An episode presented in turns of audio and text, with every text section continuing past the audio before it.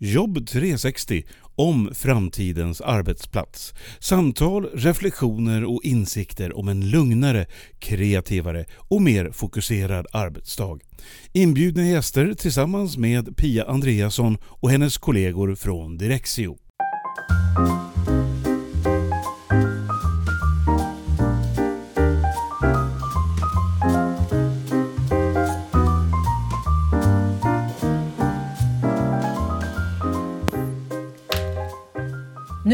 På väg till en fysisk plats för att träffa någon, utan jag ska träffa Jonas Westerlund, Director för Volvo Group Future Workplace, via Skype.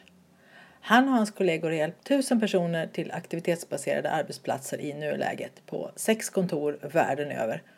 Och de har 18 pågående projekt. Numera är det Jonas som får förfrågningar från kontoren om att starta projekten så han behöver inte åka runt i världen och presentera det nya arbetssättet. Åsa kan inte vara med idag och det är tråkigt för henne. För Jonas har så mycket intressant att berätta. Men hon kan ju lyssna på programmet direkt i podden istället, precis som du.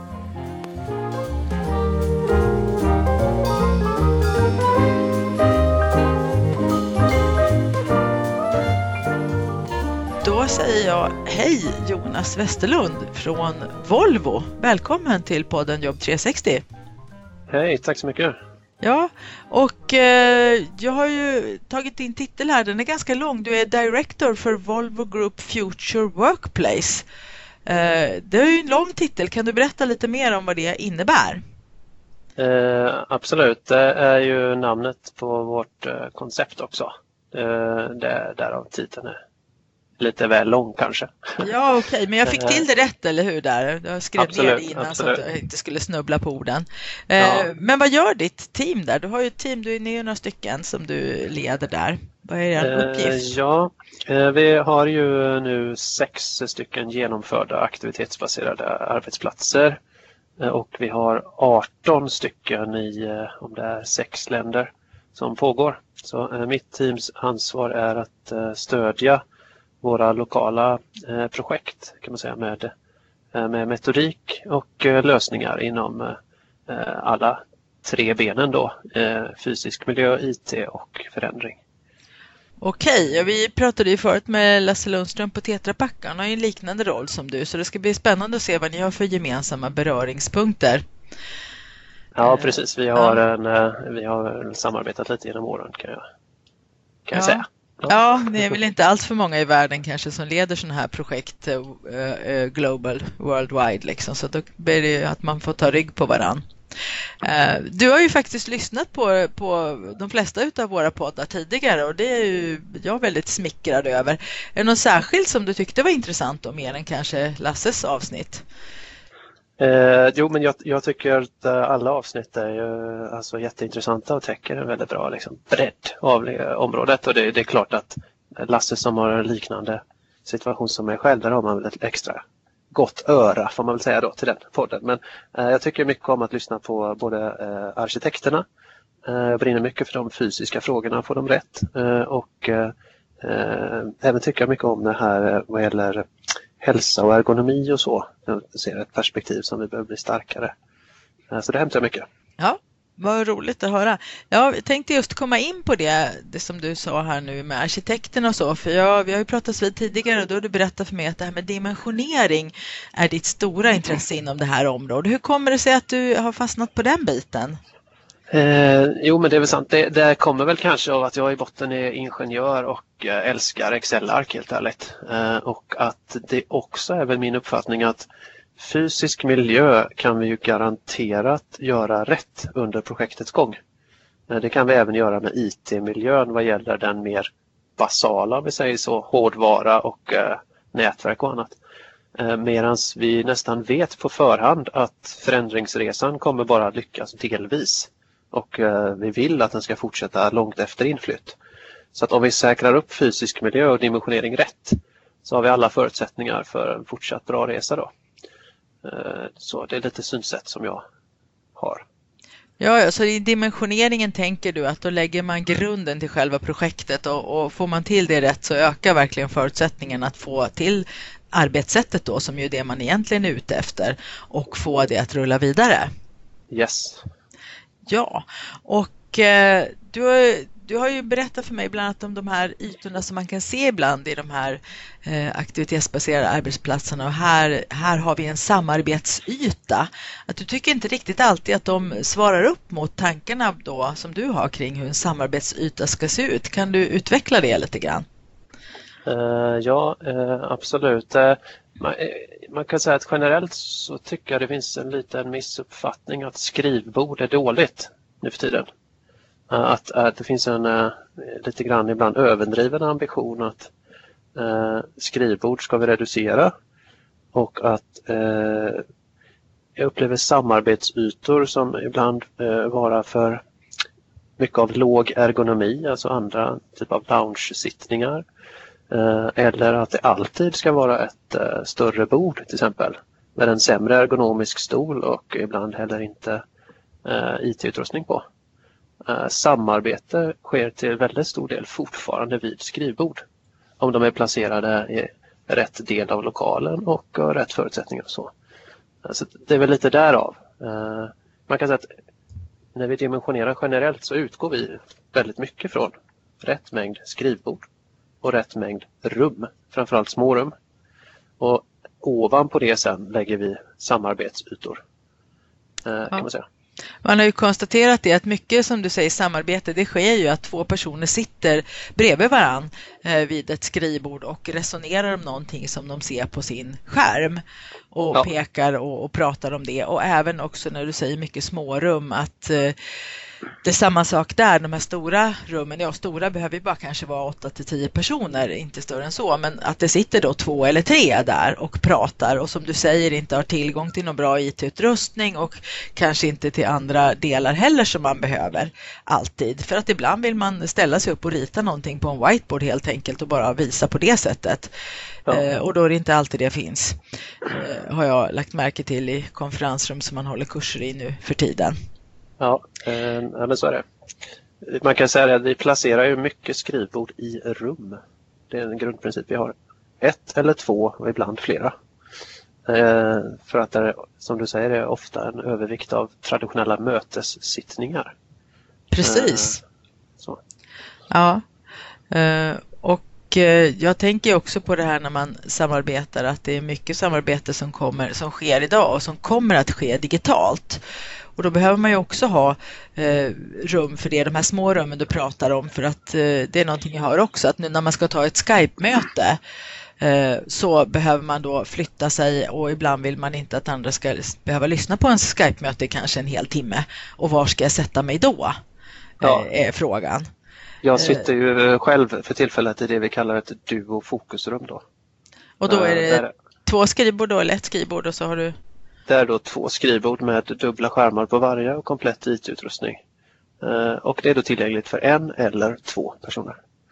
Ja, det låter ju helt mm. perfekt. Det där måste jag betona lyssnarna att de tar med sig. Ett duo fokusrum Eh, Eh, det lät ju jättebra för det, det hör jag verkligen att det finns behov av just den typen av ytor. Eh, personligen så tycker jag illa om de här loungeytorna. De är väldigt snygga att se på. Men de jag har satt mig i för att kanske jobba eller samarbeta så tycker jag man sitter, ja jag vet inte om man ska kalla det för oergonomiskt, men man sitter lite ovärdigt ibland och inte, känner sig inte riktigt bekväm i de här låga möblerna och så.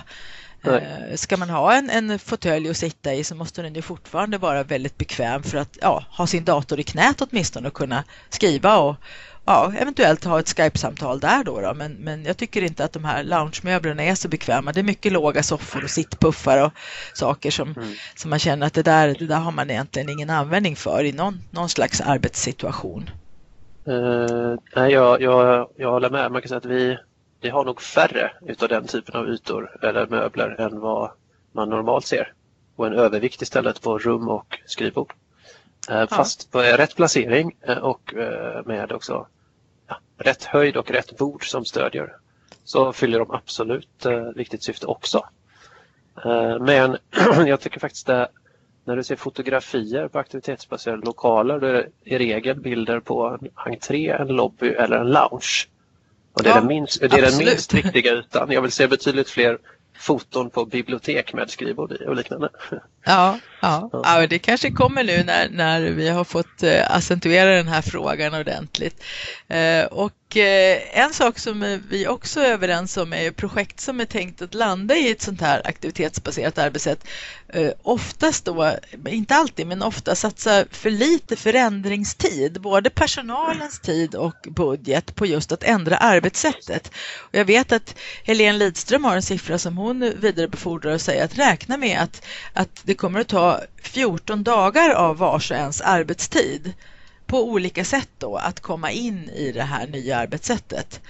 Och då ja. räknar ju både workshops och utbildningar då som vi håller på med och även för personens egen del att liksom vänja sig vid detta. Ja. Eh, så hur, hur, hur ser du på det, det här med att man satsar för lite budget och personaltid på att lyckas med detta? Uh, ja, jag håller med. Vi, vi säger generellt att det tar, tror vi, mellan 9 och 18 månader. Uh, men vi får uh, löpande feedback på att förändringsresan vi kör har hög kvalitet men den tar för mycket tid. Ah. En bidragande orsak jag ser är att ganska ofta så är styrgruppsmedlemmarna ett steg före resten av projektet och vill gärna flytta in fortare Ja. Och man är kanske övertygad och har också landat i vad detta verkligen är och varför vi gör detta. Eh, och eh, därav så, så, vill man gärna driva på eh, det, tiden till det nya. Lite som att köpa ett nytt hus, man vill flytta in så fort som möjligt.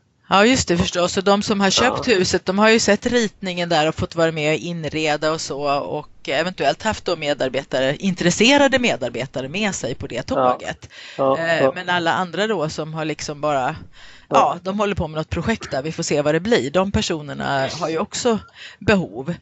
Eh, och det är den där oförmågan att backa bandet till vad man själv var för kanske ett eller två år sedan och förstå utifrån det då vad, vad ska jag hjälpa mina kollegor med för att de ska också hamna rätt.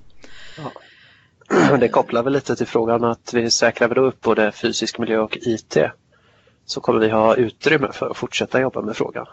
Och vi jobbar allt mer med, när vi nu har flera egna kontor, så kör vi ju egna studiebesök och att provjobba en dag, gärna längre, en hel vecka eh, i en sån miljö då, eh, är oerhört mycket starkare än vilken workshop och powerpoint som helst. Ja, det kan jag verkligen tänka mig när man har de möjligheterna att göra det. Eh, det som, som vi vill bidra med från Direxos sida det är just det här att man ska känna sig trygg med det digitala. Och att det är en väldigt god ersättare för, för det fysiska skrivbordet som man har haft.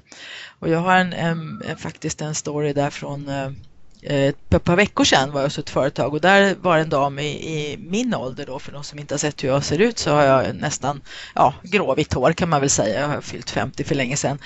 Och eh, hon var väldigt tveksam till det här med att jobba digitalt. och Hon satt där och klappade på sitt anteckningsblock och sa att det där vill hon absolut ha kvar för det, hon måste anteckna fysiskt då med penna och papper. Och jag bejakar ju det förstås och säger det är klart att ingen kommer att tvinga dig ifrån dig ditt anteckningsblock. Men låt mig nu visa allt det här andra som man kan ha. Sen kom hon på kursdag nummer två och var väldigt hon såg väldigt nöjd ut. Eftersom hon inte hade varit nöjd dagen innan så var jag lite vaksam så här och tänkte, tycker hon verkligen om mig idag eller, eller hur ligger det till? Men det där leendet fortsatte och sen så fort hon fick ordet då och skulle berätta vad som har hänt sa hon, jag har gått från att vara 20% digital till att vara 80% digital. Och jag märker att jag minns fort, jag minns även nu vad jag har skrivit och så, men det är som att jag minns på ett annat sätt. Mm. Eh, och eh, då resonerade vi lite om det faktiskt på fikarasten och vi, vi kom fram till att det kan vara så att om man skriver saker för hand så minns man det mer linjärt som en text och har, eh, har minnet som att du har läst en boksida. Men när man jobbar digitalt så är det som att hjärnan ritar mer en karta mm. över de olika digitala platserna man har då där man har sparat saker och där man arbetar. Mm. Jag tror det ligger, eh, ligger nog mycket i det. Vi, vi satsar ganska mycket på utbildning i eh, att hantera Outlook. Eh, hur den eh, mänskliga hjärnan fungerar och eh, att använda OneNote. Eh, jag kan säga, personligen så har jag ju slutat ta anteckningar med penna sedan ganska länge. Jag tar inga anteckningar digitalt heller nästan. Jag noterar egentligen enbart aktiviteter med prioritet på. Ja, vad du, vad du ska göra helt enkelt. Vad du, vad du ja. ska göra framöver. Resten är ju irrelevant för det ska ju andra ta hand om. Ja, ja, så att, uh, jag tycker det funkar ganska bra att uh, notera rakt in i det som heter Task List i Outlook. Precis, uh, den jobbar vi också jättemycket med och det är så många som inte ens har sett att den finns. Nej, uh, den öppnar ögonen för många. Det, det är uppskattat ja. när vi lanserade det i, i samband med annat. Då. Ja, så det, och jag måste alltid ha en beredskap när jag kommer till just det momentet i kursen att jag visar uppgiftslistan och ber alla ta fram den. För det är ju en, kanske möjligen en av tio som har sett den och jobbat med den. Ja. Eh, ha en beredskap för att någon brukar alltid hissna till och säga Åh nej, vad är det där? Och då är det ju den personens flaggade mejl sedan tre år tillbaka som ligger röda i den där listan. Så då måste jag ju lugna dem. jag har inte lagt in något där. Nej, jag vet att du inte har det, men du har flaggat mejl. Ja, hamnar de där? Ja, det gör de. Så det den momentet måste man, för att, för att inte de ska bli chockade och, och eh, tappa, tappa tråden i kursen, så måste jag snabbt vara på den pucken. Eh, mm. Det låter ju jättebra att ni, har, att ni har satsat mycket på det, för jag tror verkligen att det är en av nycklarna att, att känna sig trygg i det. Sen har jag också märkt att det öppnar upp, just den grundkunskapen öppnar upp mycket för att vara trygg även i nästa steg och nästa steg när det gäller digitalt. Mm. Är det någonting som du också ser? Uh, ja, det, det, det, tror jag. Sen är vi i början av vår resa. Vi rullar ut Office 365 nu då. Jag har inte själv ännu. Eh, men eh, absolut så tror jag det, eh, att det fungerar så. Ja, då kan ni kanske mäta lite på det hur folk reagerar, de som ni har utbildat inför aktivitetsbaserat och de ja. som kanske inte har kommit dit än, om det är någon skillnad i. För det kan ja. man ju mäta hur mycket de hugger på de här, eller ja, ja. hur mycket de använder de olika delarna som finns. En fråga jag tycker är viktig är att det här att jobba pappers utan papper, det är ingen fråga som vi egentligen driver särskilt mycket. Det finns en, för de allra flesta yrken en stor möjlighet att slänga mycket papper. Ja. Men det finns också en stor möjlighet för oss att placera förvaringsmöbler i eh, den aktivitetsbaserade miljön på ett smart sätt. Ja. Eh, så att eh, våra kollegor använder fortfarande ganska mycket papper. Ja, de kan man ju ha som rumsavskiljare eller olika zonindelningar och så. Sen vill man ha papper så ska ju ingen stoppa en, men du kanske inte får ha dem där du sitter längre, för du har ju inget eget skrivbord, men de, de finns någonstans i alla fall.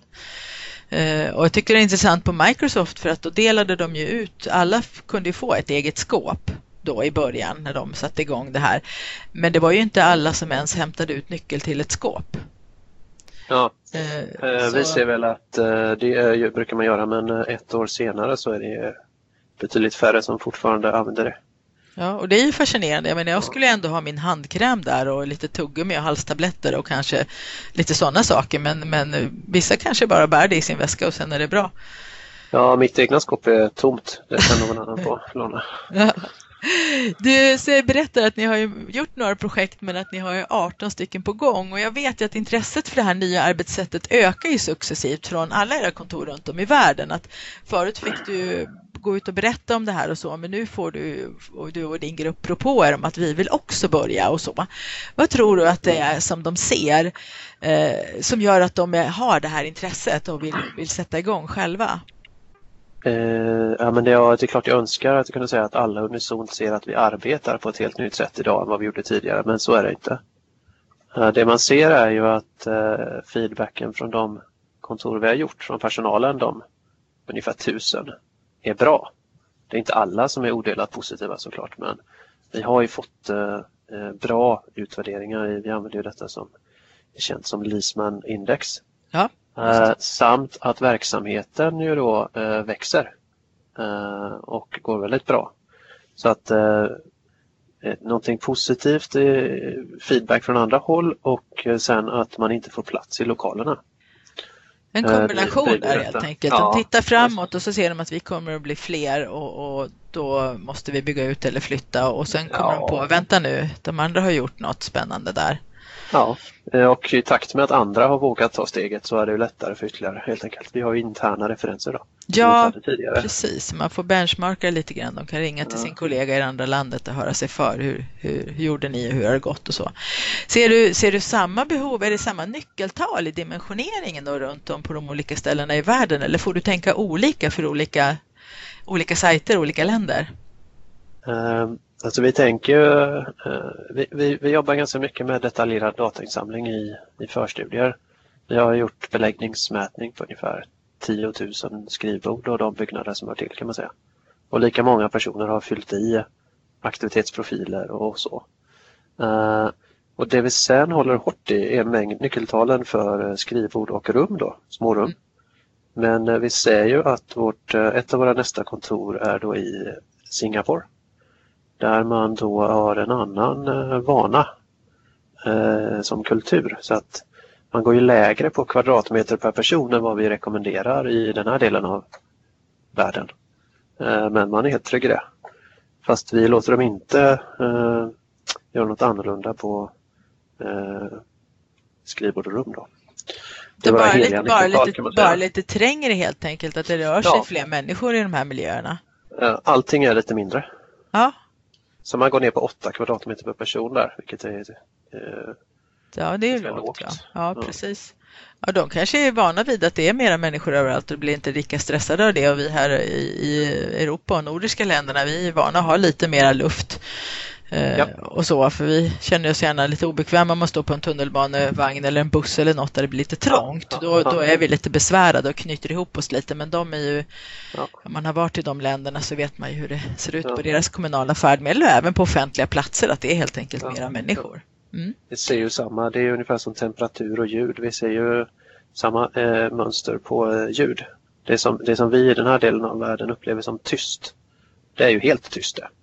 Eh, mm. Medan det kan upplevas som obehagligt eh, tyst någon annanstans i världen. Eh, så det här vart jag sitter när jag fokuserar kan vara olika i olika länder. Ja, och det blir också en vana. Jag har faktiskt bott i Indien i två månader och där låter det väldigt mycket. Nu bodde jag på en inte alltför stor ort. Men där var jag lite inne på att jag skulle behöva spela in alla gatuljuden för att ha på repeat om jag skulle kunna sova när jag kom hem. Därför att min hjärna hade ju då vant sig vid alla de där ljuden hela tiden. Eh, och, mm. och, det vart ju faktiskt väldigt tyst när man kom hem. Det kändes lite konstigt. Eh, men framförallt var det skönt att det inte var så varmt så att jag sov ju bra ändå kan man säga. Eh, du har, ju, du har ju många medarbetare på Volvo som berörs av det här nya arbetssättet. De är ju ingenjörer och tekniker. Mm. Och vad ser du att just den arbetsgruppen eller den gruppen människor behöver för att acceptera en sån här förändring? Mm. Är det, an, det, det annat är, än, än människor i allmänhet så att säga? Jag vet inte men eh, vi har ju satsat väldigt mycket på datadriven eh, process kan man säga. Och där vi går in eh, tidigt och säger att det vi ska göra nu är att analysera hur en verksamhet arbetar. Utan att säga vad vi ska göra i nästa steg. Och vi, vi går verkligen på djupet i, i det. I eh, beläggningsmätningar och eh, aktivitetsprofilering och så. Eh, och det har ju varit en eh, väldigt bra framgångsfaktor för att det är så många ingenjörer, de som inte är det har väl liknande mindset ändå. Så man tilltalas väldigt mycket, vi skapar en trygghet eh, när vi gör det här är väldigt förankrat vetenskapligt. Då. Vi ser väl att ungefär 80-20-regeln är väl ganska bra. 80% av ytorna i slutändan är ju ganska generella för medarbetare med hög mobilitet. Jag brukar kalla det slarvigt för laptopkollegor. Mm. Medan kanske 20% av lösningen är det som är mer unikt. Då. Eh, och när det gäller ingenjörer så har vi också börjat närma oss den här frågan som övriga. Vad gäller agil eh, metodik då, agila team. Eh, och det är också en fråga om mobilitet. Där vi måste titta närmre på för att få ett aktivitetsbaserat kontor att fungera för en person så måste man ju kunna vara mobil. Och det finns ju inte så många egentligen tror jag, men ett par tjänster i ingenjörsdelarna som inte kan eh, vara mobil rent IT-mässigt. Men nästa fråga är hur mobil kan jag vara teammässigt då? Man har ju där eh, arbetssätt som, som kräver mer, mer frekvent samling av personerna. Vi säger då när vi gjort beläggningsmätningar på ingenjörer att det kan ibland vara likt en tjänsteman som jag själv. Eh, någonstans mellan 25 och 35 procent i snitt på skrivbord kanske. Men vi har också fall där snittet är 60 och flera pikar under en vecka kan vara 80, 90, ibland 100. Oj, oj, oj. Eh, så att vi, eh, vi är försiktiga med att generalisera när det gäller beläggningsgrader på ingenjörer. Vi är noga med att göra den analysen varje gång och vi tror helt enkelt att i nuläget att en del team behöver helt enkelt fler bord placerade närmre varandra. Eh, men där vi måste säkra upp eh, ytor för fokus också. Eh, och det kan vara ett annat sätt att jobba med hemvister kanske i de här miljöerna. Tillhörigheten för en yta, en mindre del, kan vara under en period kanske. Ett projekt. Men vi har mer att lära där. Så Ja, det är någonting som jag hör också mycket om att, att projekt får dedikerade ytor under en viss tid och att man anpassar de här projektytorna så att det ska funka just att sitta tajt tillsammans under en begränsad tid. Mm. Eh, jag tänkte på en annan sak. En vanlig, en vanlig sak man ser när, när människor har sin egen arbetsplats det är just det här som vi pratade om innan att, att man sitter tillsammans två stycken vid någons skrivbord och pratar om någonting. Mm. Och eh, har man då ett eget rum från början då funkar det jättebra. Då har man ju ofta en sökstol också som tar en kvadratmeter extra och så kan man sitta där och ha ett litet ja, möte kring någonting. Eh, när man sitter i öppet landskap och eh, det uppstår samma sak så hör jag att de säger att de är lite bekymrade för att stör vi de andra nu när vi har vårt möte här vid, vid Kalles mm, skrivbord. Men vi har ju inget annat alternativ, vi är ju tvungna. Eh, och sen när man kommer in i det här nya så har man ju samma behov av de här små mötena och då handlar det egentligen bara om att förflytta sig till ett av de här mindre rummen då. Uh, ja, är, det, hur, hur... Det, det, gör det, men vi säger också så här att det är, i en klassisk öppen miljö så respekterar vi varandra och det blir ganska ofta tyst. Man vill inte störa varandra. Just det. I våra aktivitetsbaserade miljöer säger vi att det är mitt eget ansvar att söka upp tystnad om jag vill ha det. Eh, och vi erbjuder då mycket möjligheter till det, tillräckligt mycket. Ja. Eh, vilket gör att eh, har man bara pratat tillräckligt mycket om frågan så känner man sig bekväm att gå fram och samarbeta med en kollega i den öppna delen för att vi vet att det är den gemensamma förväntan att vi gör så. Just det. Men det tåls upprepas för att vi ser också miljöer där man lätt faller tillbaka i respekten för varandra, att det ska vara tyst. Mm. Eh, och det kommer lättare om man har färre personer. Vi har ju kontor som inte är, vi går ju ner mot 10 kvadrat per person och vi har eh, kontor där man inte flyttat in så mycket kollegor ännu. I dem så är det lättare att det blir tyst i det öppna jämfört med när vi har ner mot 10 då, där vi får en bättre dynamik. Mm. Eh, så. Ja, för det, det du sa där att man har sitt eget ansvar för att se till att man får den miljö man behöver. Det jag hör som någon slags underström faktiskt är att, att en hel del människor är lite rädda för det där egna ansvaret därför att man har ju inte behövt ta det förut och inte heller kunnat ta det. När man har haft sin fasta plats då är ju det fixt. Liksom. Att är det då, har man kollegor som sitter och pratar om hundar halva dagarna, ja men det är bara att gilla läget för man kommer inte därifrån. Och har man ett eget rum, eh, det kanske inte heller har varit så bra för ibland hör jag att de är väldigt lyhörda de där rummen. Jag hör vad de pratar om både på ena och andra sidan så det var inte så tyst ens när jag hade ett eget rum var en kommentar jag hörde för några veckor sedan. Men, men, eh, men att sen får man den här chansen att ta eget ansvar för sina behov och då upptäcker man att det där har inte jag funderat på så mycket tidigare och då blir det en, en puckel att komma över. Ja. Eh, är det någonting som ni ser? Eh, ja absolut och det är en del av det, den utbildning som vi erbjuder idag. Som vi gärna vill att alla, vi försöker alltmer att få vissa utbildningsmoment att bli obligatoriska. Eh, innan inflytt så att säga. Och detta med självledarskap är ett sådant eh, tema då. Eh, självledarskap och själveffektivitet. Eh, så, men vi, vi ser ju också att verksamheten går ju så pass bra att man har så mycket annat under ett projekt som tar ens uppmärksamhet att eh, det är lätt hänt att man eh, inte utnyttjar alla möjligheter vi erbjuder då, utan kanske hälften. Och då kan det lätt eh, komma såna här, den här typen av frågor i efterhand såklart. Mm. Eh, känslor och så. För Jag tror att det är nog inte en enkel sak. Alltså det är alltid det här med valfrihet är inte så enkelt för oss människor. Eh, utan ibland så behövs det man, man får hjälp att styra upp det lite grann och få lite tips. Ja. Att man gör så här och prova det och så. För att blir man lämnad helt ensam och ska ta ansvar för vad man behöver. Det, ja. det, man är inte helt bekväm med det, även om det låter bra i teorin. Ja, en sak som vi brukar säga är att det finns en uppfattning ofta att nu är jag tvingad att flytta mig jätteofta under en dag och sitta ja, ja. på en annan plats. Ja, den har man hört. jag brukar säga att du för, om du tycker det är bäst för din aktivitet och för dig själv så sitt på samma plats varje dag om du vill det då. Ja. Alltså vi, vi, vi uppmuntrar och vi utbildar men vi, vi, det finns inget egenvärde i att jaga eh, kollegor i en framtid att flytta sig. Så vi ser väl att över tid kanske, jag vet inte, någonstans mellan 25-50 procent går till ungefär samma del av byggnaden. Eh, de dagar man är i byggnaden, vilket är ungefär varannan dag i snitt. Eh, och det är helt okej. Okay. Ja, men jag har hittat en yta där man känner att här är jag bekväm och hemma här jobbar jag bra. Ja. Och då funkar det. Eh, sista fråga där. Vi har ju haft eh, flera samtal i den här podden med förändringsledare som också har arbetat stora projekt och det är Jonas Hurtig Jenica Lenning och Helene Lidström nu senast. Och eh, vad har du för tips till dem som står inför ett stort projekt nu och ska ta de här besluten för flera tusen medarbetare? Jag vet att du har sagt till mig förut, räkna rätt och krångla inte till det. Kan du utveckla det lite grann? Uh, jo, men jag, jag tror att uh, det är lite grann som vi har uh, lagt grunden med förändringsresa kring data så, så är det väl min rekommendation att börja där. Där, där vi verkligen har gjort det och haft tid till det så tycker jag att grunden och acceptansen oftast blir den bästa. Alltså vi, vi, min rekommendation är, säg först vi ska titta på hur vi arbetar idag. Eh, och sen sammanfattar vi det. Och sedan ska man diskutera vart är vi på väg som verksamhet någonstans. Varför ska vi förändra oss som verksamhet överhuvudtaget?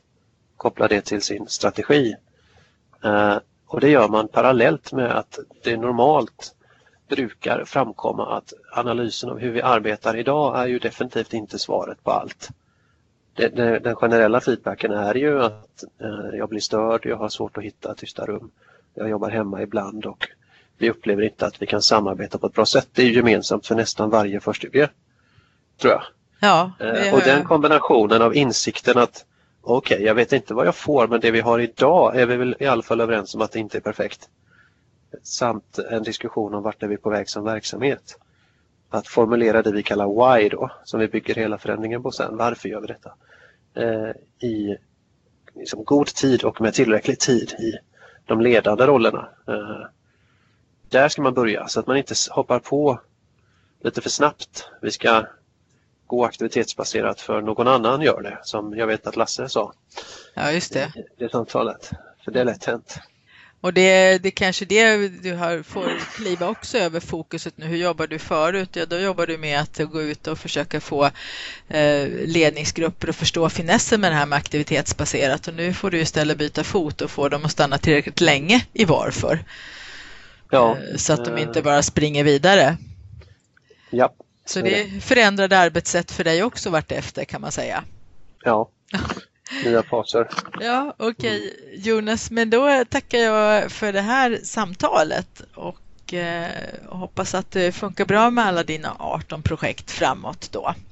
Det är eventuellt 19 innan samtalet är slut. Men ja, där ser man, du såg du ett mejl som du fick där kanske. Oj, det är en till här som, som vill hoppa på. Eh, ja. Då, ja, jag tackar dig Jonas.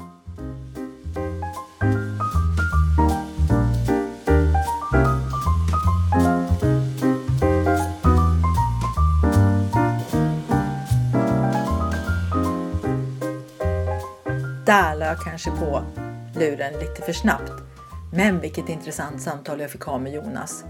Det jag mest tar till mig är att vi faktiskt samarbetar bra också vid skrivbord.